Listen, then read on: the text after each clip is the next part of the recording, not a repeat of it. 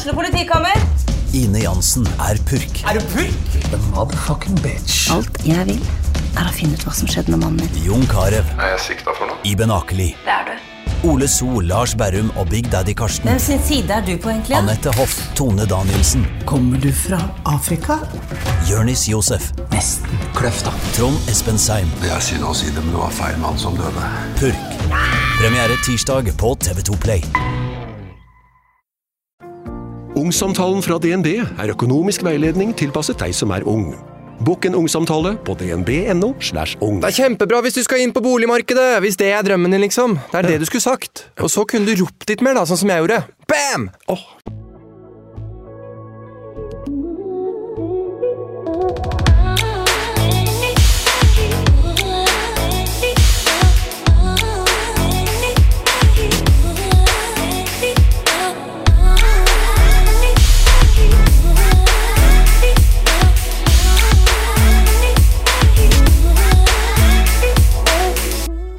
Denne episoden har jeg vært veldig spent på.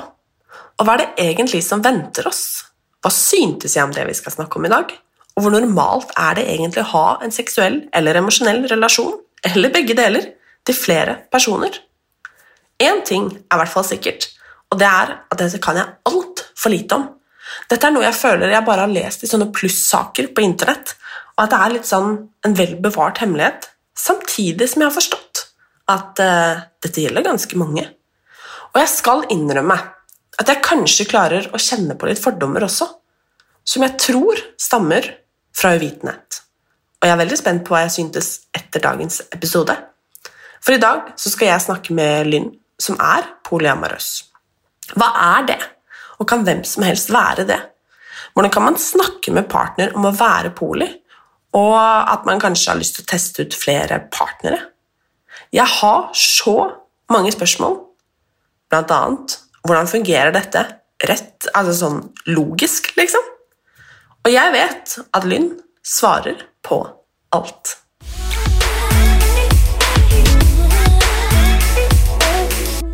Dette her har jeg gleda meg til. Jeg er veldig spent, og la meg si det sånn ganske uerfaren. Vi må alle begynne et sted. Vi må alle begynne et sted. Eh, jeg skal innrømme at jeg er ikke sikker på om jeg har lyst til å begynne. Eh, men det kanskje, kanskje endrer mening etter denne praten her. Velkommen, Linn. Hei. Så hyggelig. Ja, jeg, nå klarte jeg jo å rote det litt til, så nå er jeg her. Og det er jeg så glad for. Altså, ja, jeg er, jeg har, jeg er full i ADHD, og time management og ADHD jævlig dårlig kombinasjon. Prøv å blande det på, sammen med poli. Det blir en sykt dårlig kombinasjon, men det kan vi komme tilbake til seinere. men jeg er her nå, da. Og det er jeg glad for. Ja. Poli. What the fuck? Jeg klarer ikke å si hele ordet. Polygra... Polyga... Ja. Mm. Hvis, du, hvis du bare sier polyamori eller polyamorøs eller polyrelasjoner eller poly what fuck not uh, Poly betyr bare mange, fler. Det er en sånn forstavelse fra gresk. Ja. Uh, så hvis du har lyst på å ha et kjærlighetsliv, et sexliv, et emosjonelt nært liv som innbefatter mer enn kun én, så kan det være en versjon med poly. If not, well, hvis ikke du har lyst til å kalle det for poly, så kall det for det du vil. Det blir poli. There you go. Easy. det, det er lett å si. Ikke sant? Og da lurer jeg på Når i alle dager fant du ut at ditt liv skulle bestå av fler? Ja, det er en long story. Vi skal prøve å gjøre den litt kort. Jeg oppdaget ikke, eller fikk ikke høre om ordet polyamorøs og om poly i det hele tatt før jeg var godt opp i 30-årene. Eh, og da levde jeg allerede poly uh, i et ekteskap uh, som Men vi hadde ikke ord på det. Og det er en ting, det med å ha et vokabular. For å ta eierskap over eget liv, så trenger du å ha ord å putte på det. Um, og som sagt, jeg var godt opp i 30-årene når jeg hørte ordet polyamori for første gang. liksom, for noe? Peanøtter? Kidding me? Um, men eh, så begynte jo jeg å grave litt i dette og fant ut at hei, jeg har jo fuck hold vært uh, poly hele livet, det var bare det at det var ingen som fortalte meg det. Så, og etter det så har jeg prøvd å fortelle det til alle.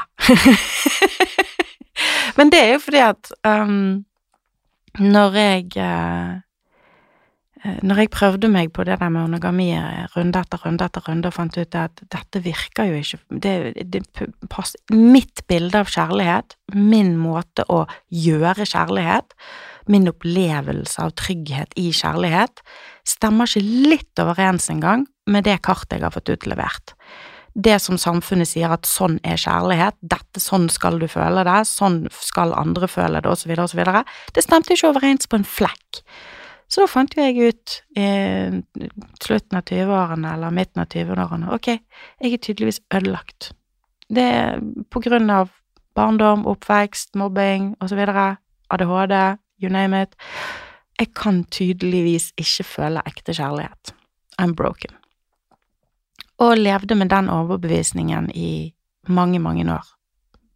Godt over ti år levde jeg med troen på at jeg var ødelagt, helt til noen fortalte meg at hei, du er ikke aleine, det fins et ord på dette. Det heter polyamori eller poli eller det, det, det, er lov, og det er andre som er sånn, og det er helt greit. Er ikke, du er ikke ødelagt. Det er sånn brain fart. altså, totally Ja. Sant? Det var plutselig så oppdaget hjernen min at jeg ikke var ødelagt, jeg var bare annerledes, og jeg fikk lov til det. Av meg sjøl, først og fremst. Fikk lov av meg sjøl å være annerledes, ikke blame meg sjøl for det.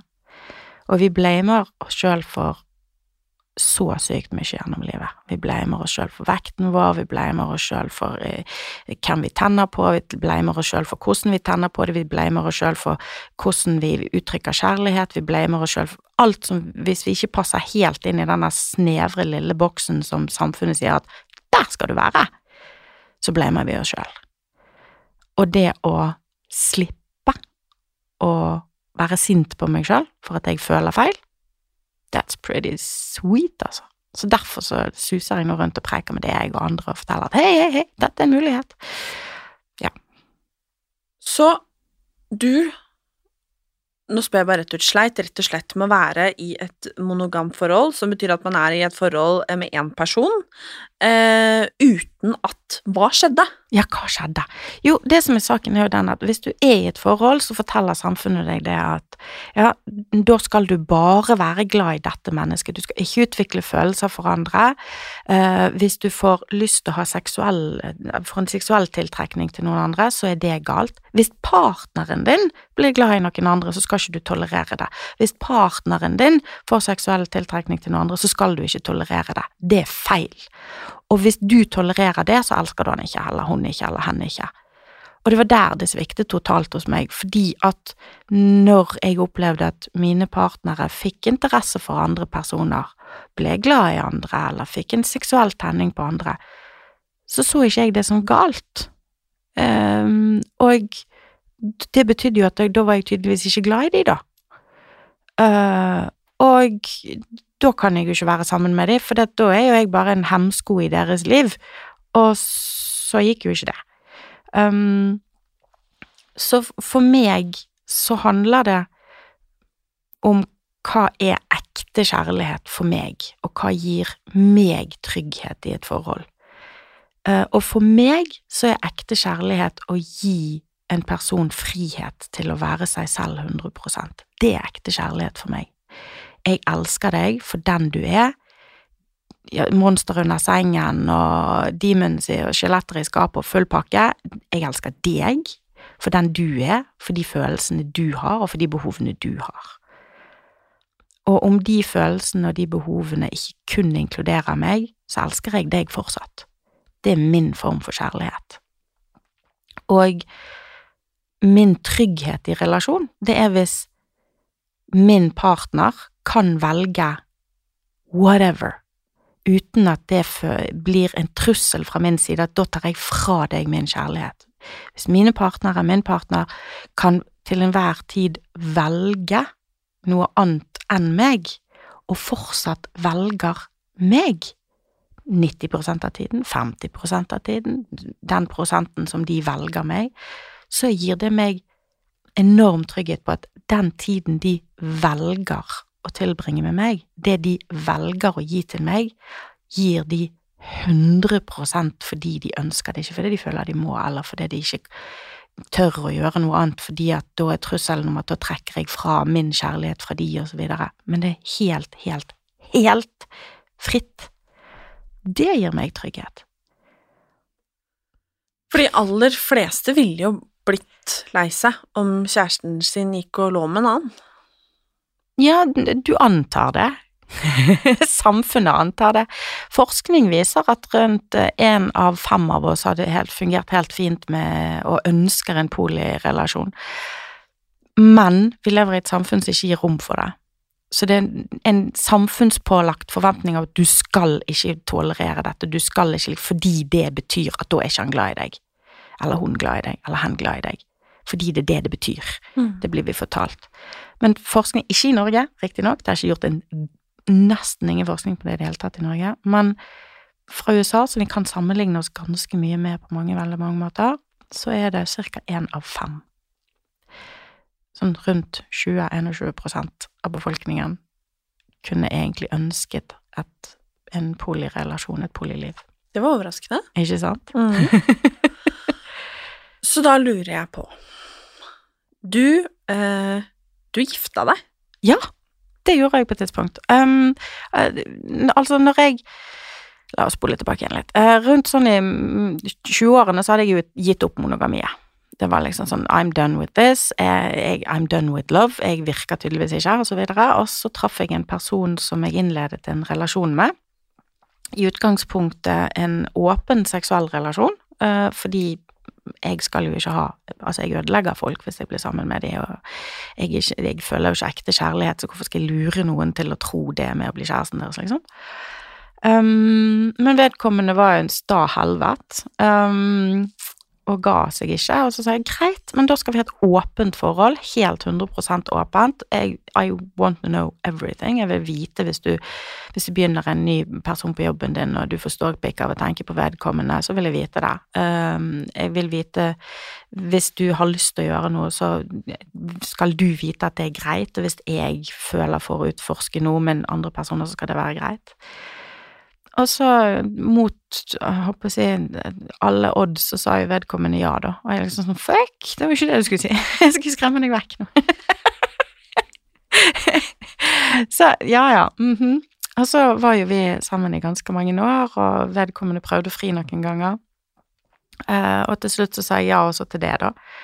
Um, fordi det var en smart ting å gjøre, tenkte jeg, uh, i forhold til å sikre økonomisk alle parter, og det, ja, det var en sånn pjaktisk, rent pjaktisk. Um, og så gikk det også litt flere år, og så vokste vi fra hverandre, vi utviklet oss forskjellig, uh, og fant ut til slutt at det å være gift var kanskje ikke rett for oss lenger. Vi er fortsatt kjempegode venner. Det er en av de viktigste menneskene i livet mitt fortsatt, men det å være gift var liksom ikke i kortene for oss lenger, da. Så da tok vi ut en skilsmisse og lever lykkelig med det. Et veldig vellykket forhold, eh, vil jeg si, eh, fordi at vi har klart å bevare respekten for hverandre, kjærligheten for hverandre, omtanken for hverandre, selv om vi finner ut at mm, gift skulle vi kanskje ikke være lenger. Men da må jeg jo bare spørre, var dere Eh, ja, hvordan, hvordan, spør man det? Jeg holdt på å si var Did dere, you fuck around? Ja, var, var dere utro, holdt jeg på å si? Holdt Nei, jeg på å si, vi var liksom. ikke utro. Vi var overhodet aldri utro, fordi utro betyr at du bryter løfter. Vi bryter aldri et løfte, men vi pulte rundt. Noen ganger eh, sammen, på en måte også, eller var det, ja. er det liksom da var det sånn at du kom hjem på en tirsdag og sa liksom Du, vet hva, han her har jeg veldig lyst til å ligge med, er det greit, på en måte? Eller bare gjorde du det?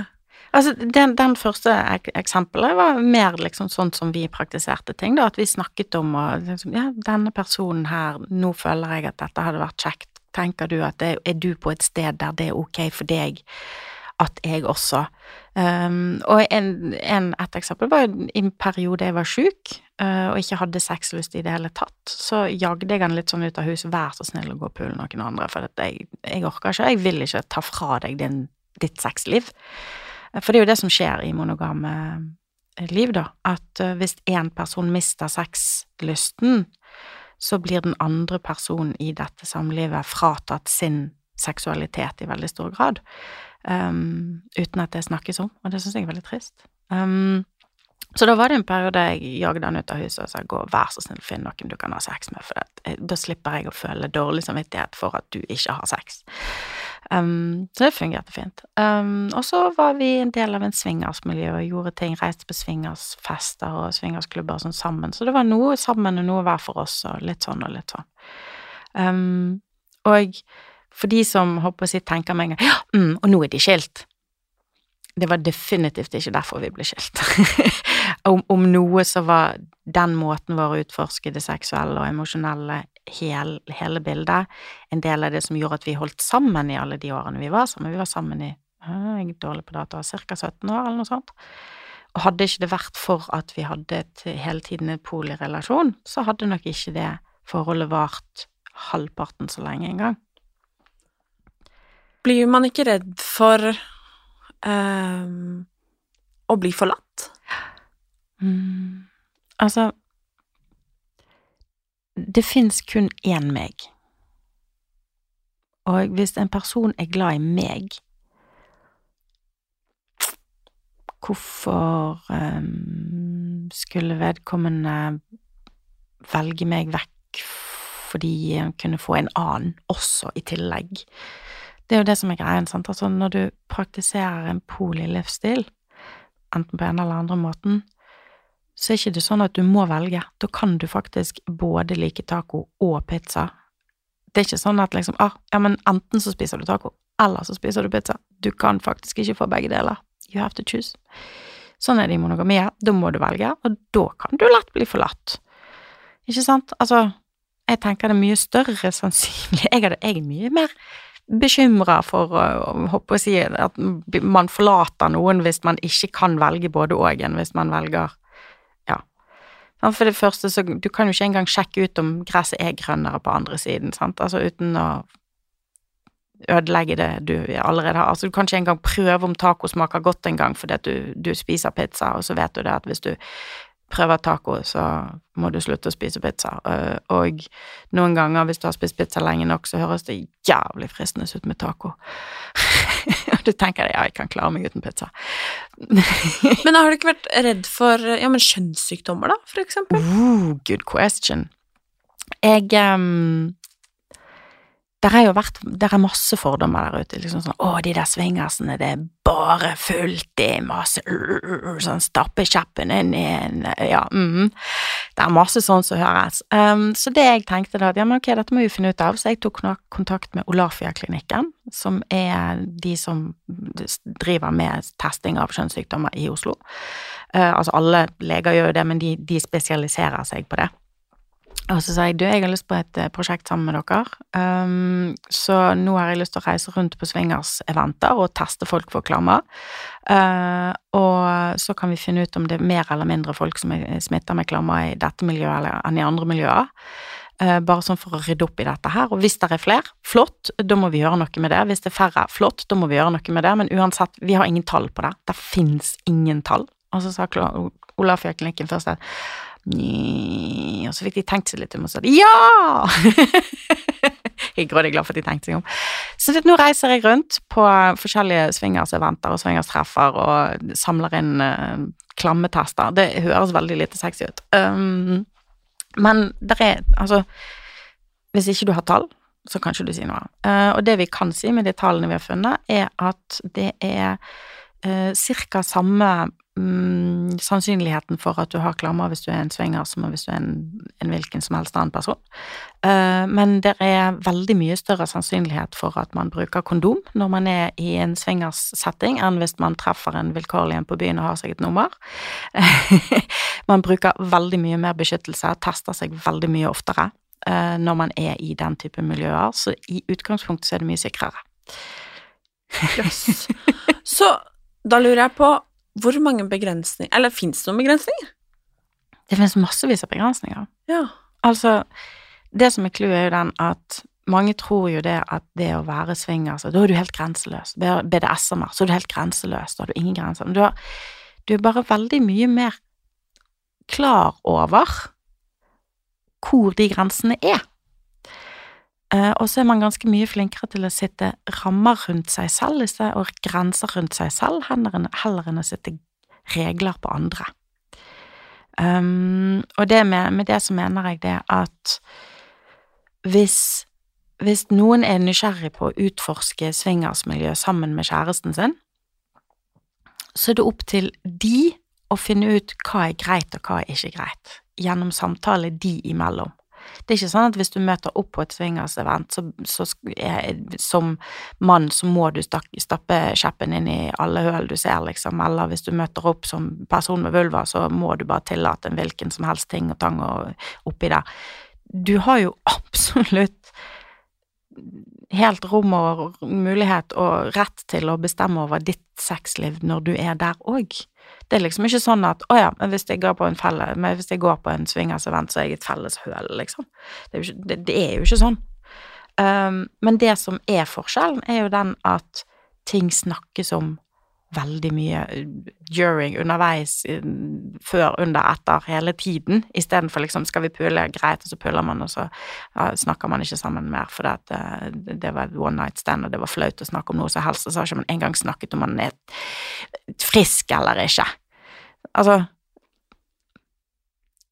Samtalen om bruke kondom eller ikke Hvis du møter noen på et one night stand, så kommer det opp som en sånn Kanskje samtalen kommer opp. Kanskje. Hvis du er innenfor et swingersmiljø, så, så er den kondomen der. Ferdig arbeid. Og hvis ikke, så er det sånn what? Ok, nei, men da er ikke det aktuelt. For de aller, aller, aller fleste. Um, og det samme gjelder den samtalen rundt hva er faktisk greit for deg? Um, ikke bare den er liksom sånn skal vi ha sex, er greit vi har sex, eller ikke snakke om det engang, bare merke at ok, det er den veien det går. Jesus! Use your words! altså, det Vi trenger å snakke mer om samtykke. Ikke bare den biten om å, å faktisk spørre om samtykke, men det å gi samtykke. Jesus, er det noe mer sexy enn å spørre noen kunne du være interessert å få et tilbake liksom, Ja, jeg har utrolig lyst på deg! altså Really? Ja, altså, det, ja, ja, ja. Det er det man aller helst vil vite, da. ikke sant? Så altså, det med, med å på å si hvor utrolig sexy det er å få et ivrig samtykke, det burde vi snakke mer om. Og viktigheten av å betrygge en partner med å gi de tydelige samtykkene. Jesus. Altså, hallo. Det vi, vi, snakker jo en del om at ja, men du må sørge for å få det samtykke, altså å spørre om samtykke, men så snakker ikke vi nok egentlig om det med viktigheten av å gi det. Tydelig og liksom Yeah, baby! sånn virkelig mm. Og jeg, jeg, Min opplevelse, i hvert fall uh, Jeg har jeg er også en del av et BDSM-miljø og et fetisjmiljø. At jeg er normbrytende på check all the boxes, liksom. Um, og jeg går omtrent aldri ut på et vanlig utested, for jeg syns det er så jævla ekkel seksualitet ute og går der ute. okay. Det skjer ikke at jeg beveger meg på et eller annet utested nede på uh, Aker Brygge, for eksempel. Jo!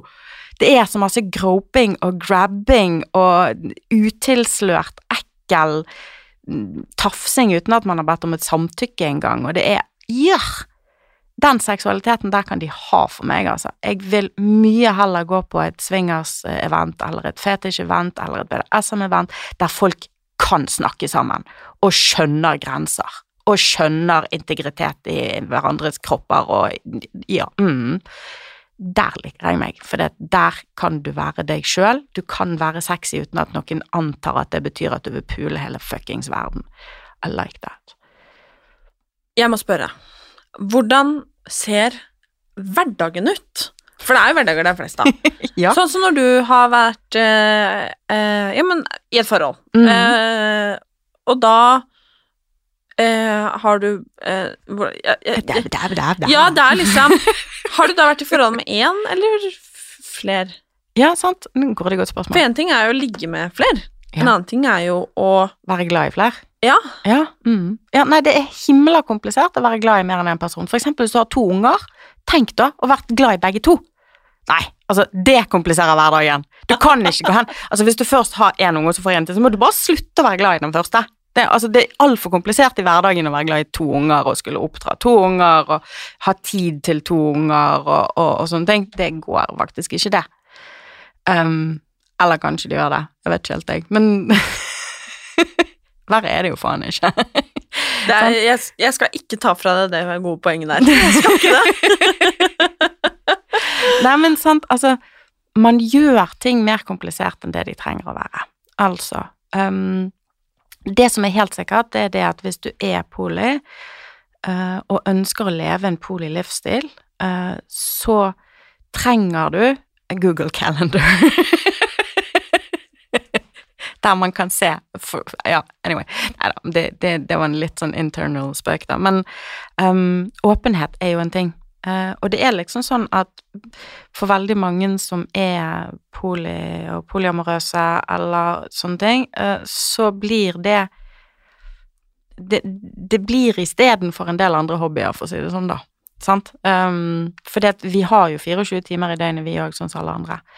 Um, men så er det den at noen relasjoner, noen personer, uh, har et ønske og et behov om veldig mye tid sammen med deg. Uh, noen relasjoner og personer har ikke overskudd og tid til å se deg hver dag og finne på ting med deg hver dag, men annenhver helg, for eksempel.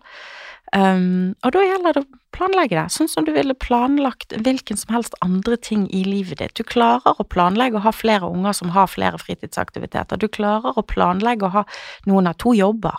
Noen klarer å planlegge det å ha Jeg har det vennskapet, den personen som jeg liker å treffe og gjøre sånn med, og den personen Det er ikke mer komplisert enn det, altså.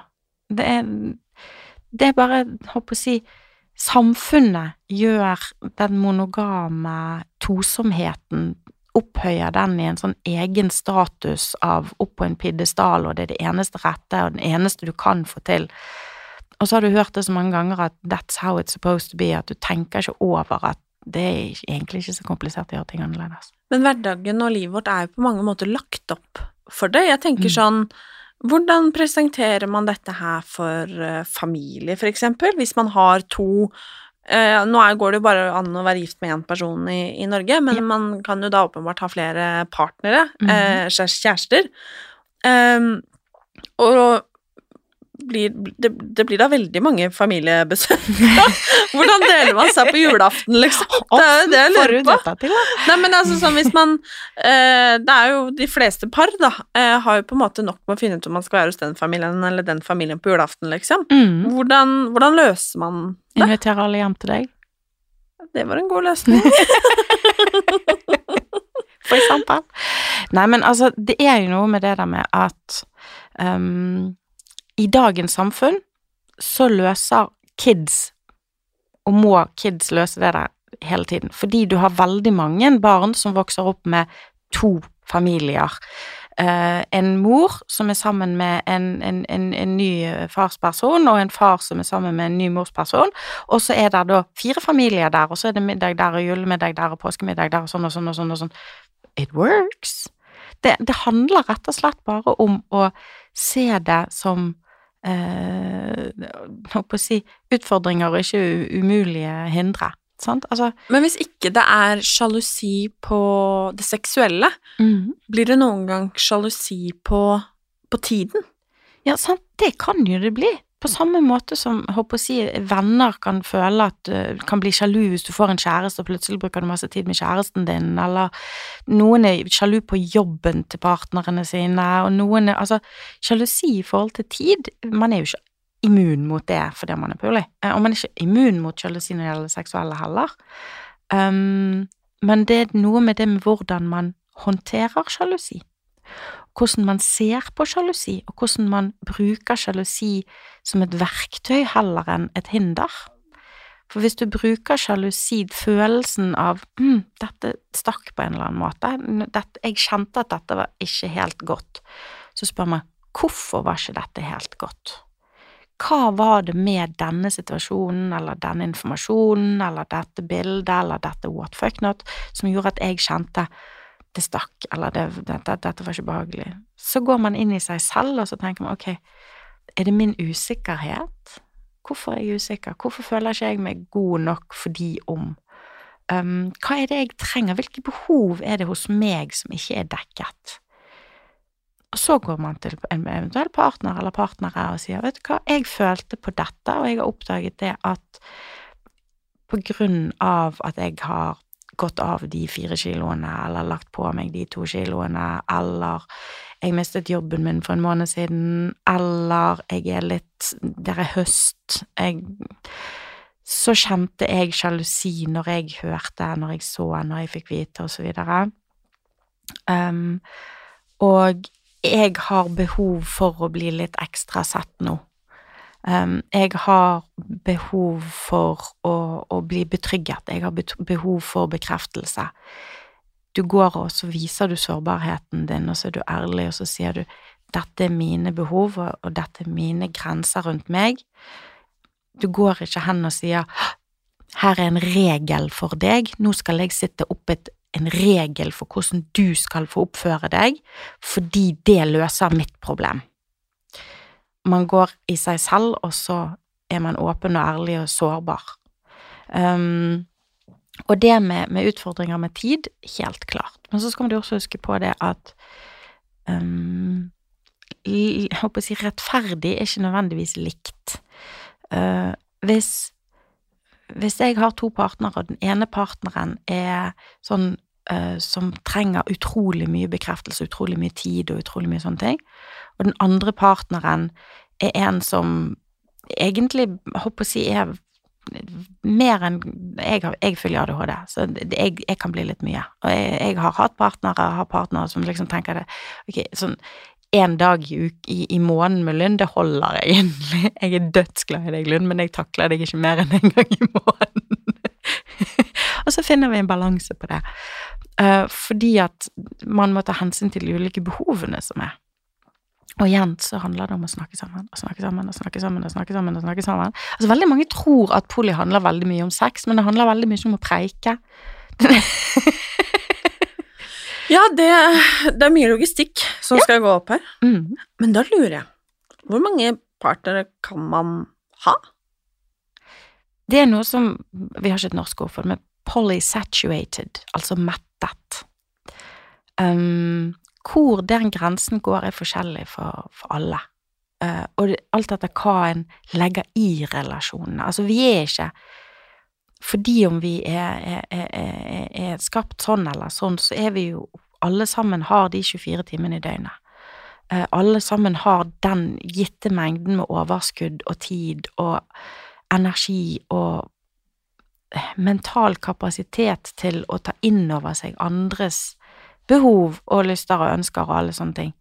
Så det er en, en naturlig cap der et eller annet sted for de aller, aller fleste.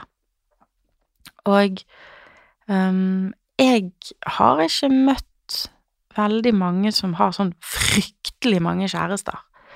Um, nettopp fordi at ting skal passe inn i livet, og man skal ha overskudd til det, og man skal ha Men jeg har møtt ganske mange som innenfor polyverden syns sånn åh, hadde jeg hatt overskudd, så hadde jeg hatt lyst til å, å, å finne ut om vi kunne hatt en relasjon, men jeg, jeg er mettet. så vi får bare tenke at in another world, liksom. Um, og det å kunne gi, håper si, det komplimentet til noen og, og sånne ting, det er en fin ting å kunne gjøre, da, liksom. Hvor er din grense, da? Hvor blir du mettet? Har ikke idd. Um, det kommer helt an på hvem jeg er i relasjon med. Å oh, ja. Ikke sant? Ja.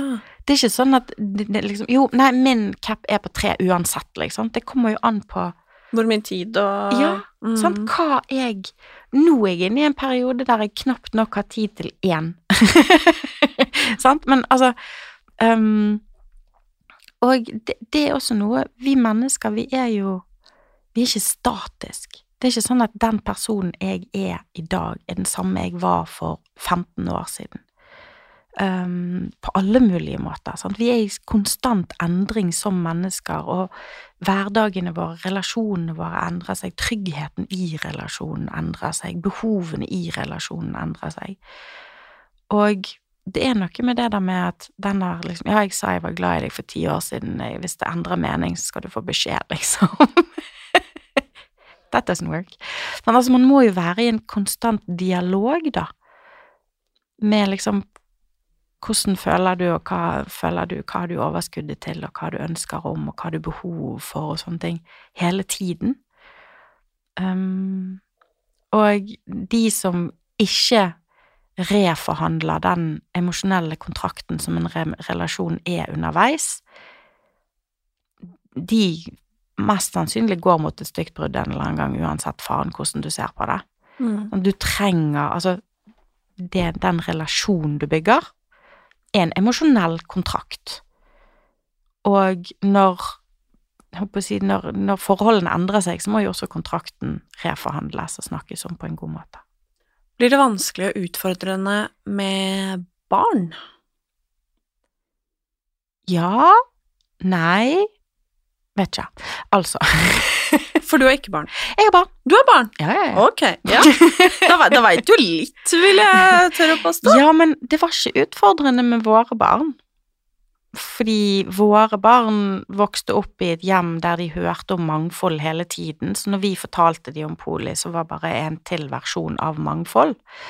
Um, hvis Alt etter hvordan hmm, Hvordan si dette på en god måte? Barn er veldig, veldig tilpasningsdyktige. Hvis barn er trygg, hvis barn føler trygghet, eh, så og føler at de har din kjærlighet i ryggen, og føler at de er de har det bra, så blir det ikke det krise for barn om du forteller dem om at du er annerledes på et eller annet vis. Eh, og det var ikke noe krise for våre kids når vi fortalte om polet til dem, for de var allerede ganske store når vi fortalte de tingene. For vi visste jo ikke om det sjøl engang når Men kidsa ble opplevde født. de da at eh, det kom nye mennesker eh, For da Man får jo åpenbart barn med eh, Det er noe mellom to mennesker, på en måte. Det er vanskelig å unngå. Men opplevde de da på en måte Det går faktisk an med, med sånn i dag at det er tre forskjellige personer som er, er gengiver til Altså faktisk materiellgiver til ett barn. Det går an i dag. Guri malla, det er fancy. wow! Altså, det, det er noe med For å håpe å si Det var noe med noe sykdom og sånne ting, så kunne de ta ut hvis noe fra én DNA og putte inn noe annet og sånne ting, sånn at det var faktisk mulig at tre mennesker kunne Men ja, Men det- dere var to, på en måte. jeg, jeg har laget barn med to forskjellige mennesker. Ok, ja. Ehm, men hvordan fordele Og da blir det jo mamma og pappa, på en måte, Ja. uh, i utgangspunktet, men da i husstanden. Det er det jeg lurer på litt sånn i hverdagen, ikke sant? uh, kommer det da inn et tredje menneske som fungerer med Som er sammen med dere begge, eller bare deg? Kommer Altså, skjønner du hva, hvor Du jeg vil? prøver å lage regler, du. Ja, nei! Jeg prøver å Jeg prøver å forstå hvordan Hvordan eh, det kan virke. en, en typisk situasjon, da. Ja. Det det, det som er greien, at altså um, Det er sånn som du pleier å si om en del andre Kjenner du én person med ADHD, så kjenner du én person med ADHD. Kjenner du én person som er poli, og én polirelasjon, så kjenner du til den ene polirelasjonen. Det er, der er veldig, veldig veldig mange måter å løse det på, og eneste rette måten å løse det på er det som er rett for de som er involvert. Eh, noen ganger så er det tre personer som lever sammen og, opp, øh, og oppdrar barn sammen som likeverdige personer. Noen ganger er det eh, en person som har to familier eh, som en veksler mellom, på samme måte så ja, det går an å ha reisejobb, så går det altså an å veksle mellom å være her eller der.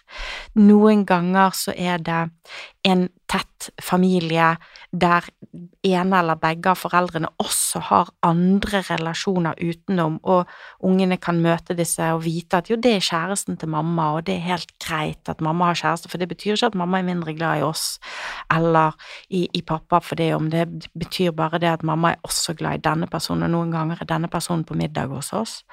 Um, og noen ganger reiser vi på en tur sammen på hytten alle sammen, og så har vi det kjekt. Um, det, vi kompliserer ting oppi hodet vårt fordi det er sex blandet inn i det. Det hadde ikke vært komplisert hvis du bare ser det, er en tett familie med søsken som, som er, bor i, omtrent i samme hus, eller familiebolig for den saks skyld. I ene etasjen bor den, den uh, generasjonen, og i andre etasje bor den generasjonen.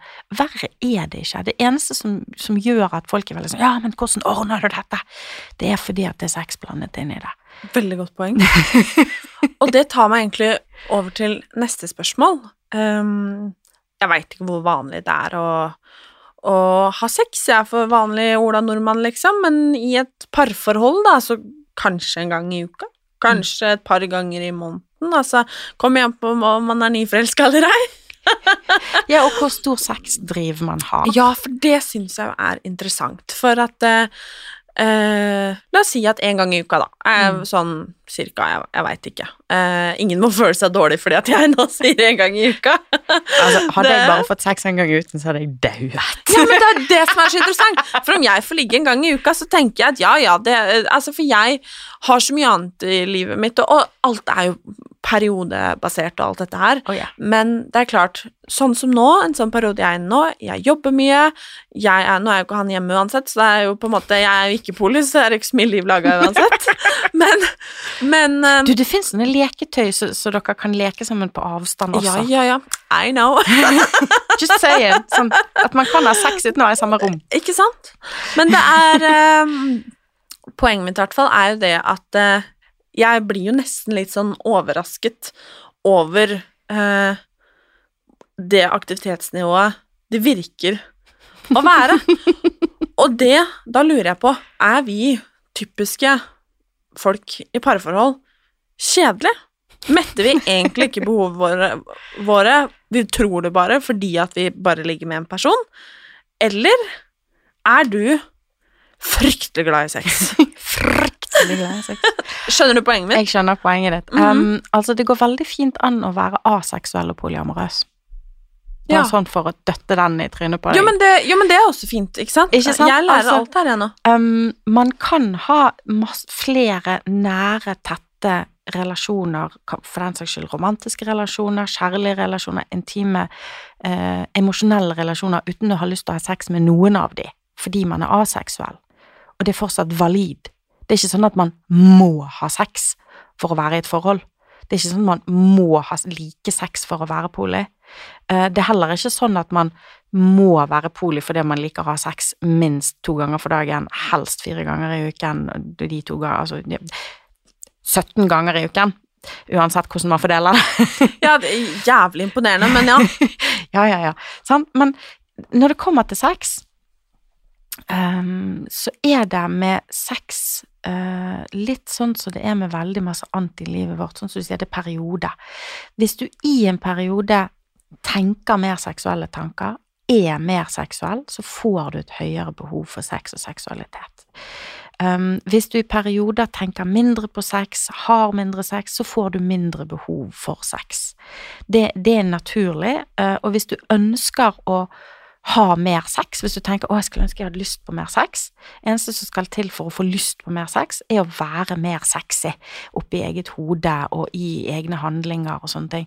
For eksempel hvis du har lyst til å, å, å, å få mer sex i et forhold, så lag middag og møt kjæresten i sexy outfit og servere og si du, jeg kunne veldig gjerne tenkt meg å mm, mm, mm, mm, mm, mm. Jeg vil ha dessert! ja, sant. Her er middag, jeg vil ha dessert. Sånn? Altså, men, men, men det å være sexy og gjøre sexy ting gjør at du får lyst på mer sex. Uh, og det å ha perioder Jeg også sa jo tidligere i denne podkasten det at jeg hadde en periode der jeg ikke hadde lyst på sex i det hele tatt. Mm. Og det, var- det var sånn periodesnakk flere måneder, at jeg var bare skrudd av. Um, og, og selv om jeg som regel er mer skrudd på enn det, så er det jo sånn, altså sånn meg òg. Jeg, jeg har hatt lange relasjoner med mennesker der vi ikke nødvendigvis har hatt sex i den relasjonen. Jeg er ikke mindre glad i de av den grunn. Um, og så har jeg perioder der jeg er overseksualisert, men sånn er de fleste av oss. Og siden jeg jobber veldig mye med ting som har med seksualitet å gjøre, så snakker jeg om veldig mye om sex. jeg tenker veldig mye på sex, eh, og da får jeg mer lyst på sex. så altså, for å si det sånn, en god måte å få lyst på mer sex, jobb med sex. Men nå stiller jeg sikkert et dumt spørsmål Nei igjen, men jeg lurer, apropos denne kalenderen Mhm. eh, La oss si at du har Jeg vet ikke, tre kjærester, for For eksempel. eksempel. Ehm, og så eh, planlegger man da Da regner jeg med at man både kan bo i samme husstand, men man kan også på en måte bo hver for seg. Altså, Kan bo i forskjellige her er det jo ingen regler, ikke sant? Ehm, men ehm, planlegger man da eh, sexen? Noen planlegger det. Ja, for det jeg lurer på da, er at hvis det bare er sex, noe det sier meg at det for enkelte kan være, så kan det for andre, som du sier, bare være kjærlighet, på en måte. Mm. Jeg merker at vi kommer ikke til noen konklusjon til poenget mitt, fordi at alt tydeligvis er lov. Altså, det, det er jo det som er greien. Sant? Så lenge de involverte har gitt et informert samtykke, og man er inne i ting med likeverd, så er det jo det at da, da skal det ikke være noen sånne allmenngitte regler at sånn og sånn og sånn må det være. Dessverre så er det jo sånn at i Norge i dag så kan man bare være gift med én person, og kan kun gi den eh, emosjonelle og økonomiske og på andre måter tryggheten i en relasjon til én person, noe som jeg finner grovt diskriminerende. Um, men det betyr jo ikke at man ikke kan gjøre sitt ytterste for å lage andre avtaler eh, og sånne ting, da. Men vi har et lovverk som dessverre ekskluderer eh, polirelasjoner vel, på veldig mange måter. Sånn at hvis man er poli, så oppvei, opphever man hverandre på en måte i forhold til det med å være samboer og de rettighetene det kan gi og sånne ting. Hvis det da var to, så vel, da lever man ikke i ekteskapelig lignende måter, så da oppheves de lovene for Altså, ja, det er mye dritt. Um, men man kan jo I forhold til det med regler, så er eneste ubrytelige regelen er jo det med eh, at eh, alt skal foregå med åpenhet og ærlighet og samtykke. Det er, det er ikke poli det er ikke en god polirelasjon hvis du lever to forskjellige liv, og de livene ikke vet om hverandre. Then you're a fucking bastard. Mm. Sånn? altså, det er ikke Du kan godt være poli i, i hjertet ditt og i følelseslivet ditt om du velger å ha en på si som, som primærpartneren din ikke vet om, og later som du jobber overtid, men er egentlig og puler på en kjæreste kan, det kan godt være at du anser deg som poli, men det du gjør, er utroskap. Mm. For det at grunnlaget for godt, en, en god polirelasjon er jo åpenhet og ærlighet og, og informert samtykke. Og du kan ikke gi et informert samtykke hvis du ikke vet om hva som skjer. Hva om man bor disse tre menneskene sammen? Mm. For å ta det som et uh, eksempel uh, i mitt hode. Det, alt dette her er veldig nytt, uh, og veldig spennende. Er det automatikk at alle alltid ligger sammen? For det er jo tre ulike mennesker, som du sier, med forskjellige andre liv også, på en måte. Er det sånn at uh, den ene kanskje må ta seg to runder på hvert sitt soverom, liksom? Eller er det liksom sånn at alle tre ligger sammen? Er det sånn at kanskje to av de som er i dette parforholdet, ikke egentlig ligger sammen i det hele tatt? Altså, er- det finnes ikke noen begrensninger. Alt går an. Så alt det jeg sa nå, er Muligheter. Herregud, her er det mye muligheter. Nesten litt for mange muligheter for meg.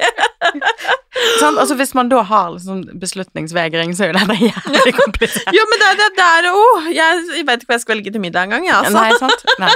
Uh, men, men det er noe med det der med å kjenne etter hva, hva, hva, hva genuine behov har jeg, uh, og det å være Kjenne etter egne behov, uh, og det å være lydhør for partners ønsker og behov, og så finne mm, gylne middelveier mellom alle. Og er det komplisert? Definitivt. Ja da.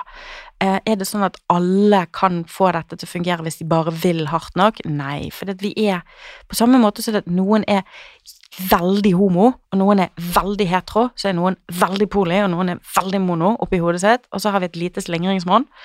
Um, og noen de, de aller fleste ligger et eller annet sted på midten. um, sånn nærmere den ene eller andre siden. Ja, men men. Um, og så Altså, hvis du Hvis du har tydelige, sterke behov som du ikke våger å si noe om til kjæresten din, for du er redd for at kjæresten din da trekker tilbake kjærligheten sin, så lever du etter mine begrep eh, i et eh, psykisk voldelig forhold. For da lever du under en konstant trussel eh, om å miste kjærligheten til vedkommende hvis du er ærlig om hvem du er og hva du er ekstremt mange mennesker som er eksempel poly- eller biseksuelle eller kinky eller sånne ting, lever i den typen forhold og tør ikke snakke med partneren sin fordi partneren har sagt i en sleiv bemerkning en eller annen gang at ja, hvis jeg noensinne fikk vite at mm, mm, mm, det var bi, så hadde jeg tatt ungen og gått med en gang, og fordi at det skal ikke ha noe sånt inn i min, mitt liv og sånne ting. Det er utrolig mange som lever under trussel av å miste kjærlighet i forholdene sine hver eneste dag. Og det er jævlig kjipt. Og det er fordi at vi lever i et samfunn som setter monogamia og tosomheten så jævla høyt oppe på en pidestall at bare det å si at jeg føler ikke jeg har tenkt å gjøre, ikke jeg har gjort, ikke jeg må gjøre, men jeg føler at kanskje jeg, noe mangler, jeg har andre behov, um, så risikerer man å, å, å, å, bli fratatt hele livet sitt. Det er jævlig kjipt, da. Og så lever vi i et samfunn der blant annet rettssystemet vårt har dømt folk fordi de er poliosvingers, uh, bare fordi de var poliosvingers, til, uh, fordi at de anså at vedkommende da um, helt sikkert ikke skjønte hva grenser var for noe, og har helt sikkert gjennomført et overgrep. Det er også en del av samfunnet vårt. Jeg ser på blikket ditt at du er lett sjokkert nå, men det er helt sant. Mm. Det hadde jeg ikke tenkt på. Nei. Jeg kan, lese, jeg kan lese opp for deg en lite utdrag mm. fra en dom fra en norsk uh, rettssak. Um, denne rettssaken uh, var om et overgrep Vedkommende ble dømt i første instans uten fysiske eh, bevis, uten til og med med at vedkommende som hadde kommet med anklagen, hadde trukket anklagen tilbake. Likevel ble vedkommende dømt i uh, tingretten. Frifunnet i lagmannsretten, men her et utdrag fra dommen i tingretten. Når det gjelder tiltaltes benektelse av at hendelsen skjedde, tar retten inn i vurderingen at vedkommende har et seksualliv som involverer BDSM og partnerbytter. Med, såpass med en såpass rammeløs seksualitet er det ikke lett å se hvordan vedkommende ville satt grensen. Derfor mener retten at det ikke skal feste stor lit til tiltaltes forklaring heller. Oversatt, du er svinger så BDSM-er, så vi kan ikke stole på deg. Det er norsk rettsvesen anno i dag.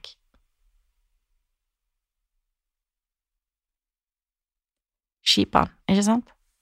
Kjempeinteressant. Um, vi har også et psykisk helsevern som kan finne på å gi folk beskjed om at det er kanskje greit å vente med de der poligreiene til du har fått jobbet deg gjennom det andre du sliter med. Med andre ord, legg vekk den delen av identiteten din. Glem at du er den du er, inntil du har fått jobbet gjennom andre ting. Eller mennesker som kommer til leger og oppfatter at de ikke får den hjelpen de trenger fordi legen får vite at du har flere enn én en elsker og sånne ting, og da har ikke de lyst til å hjelpe deg. Det skjer i Norge i dag. Derfor gjør jeg det jeg gjør.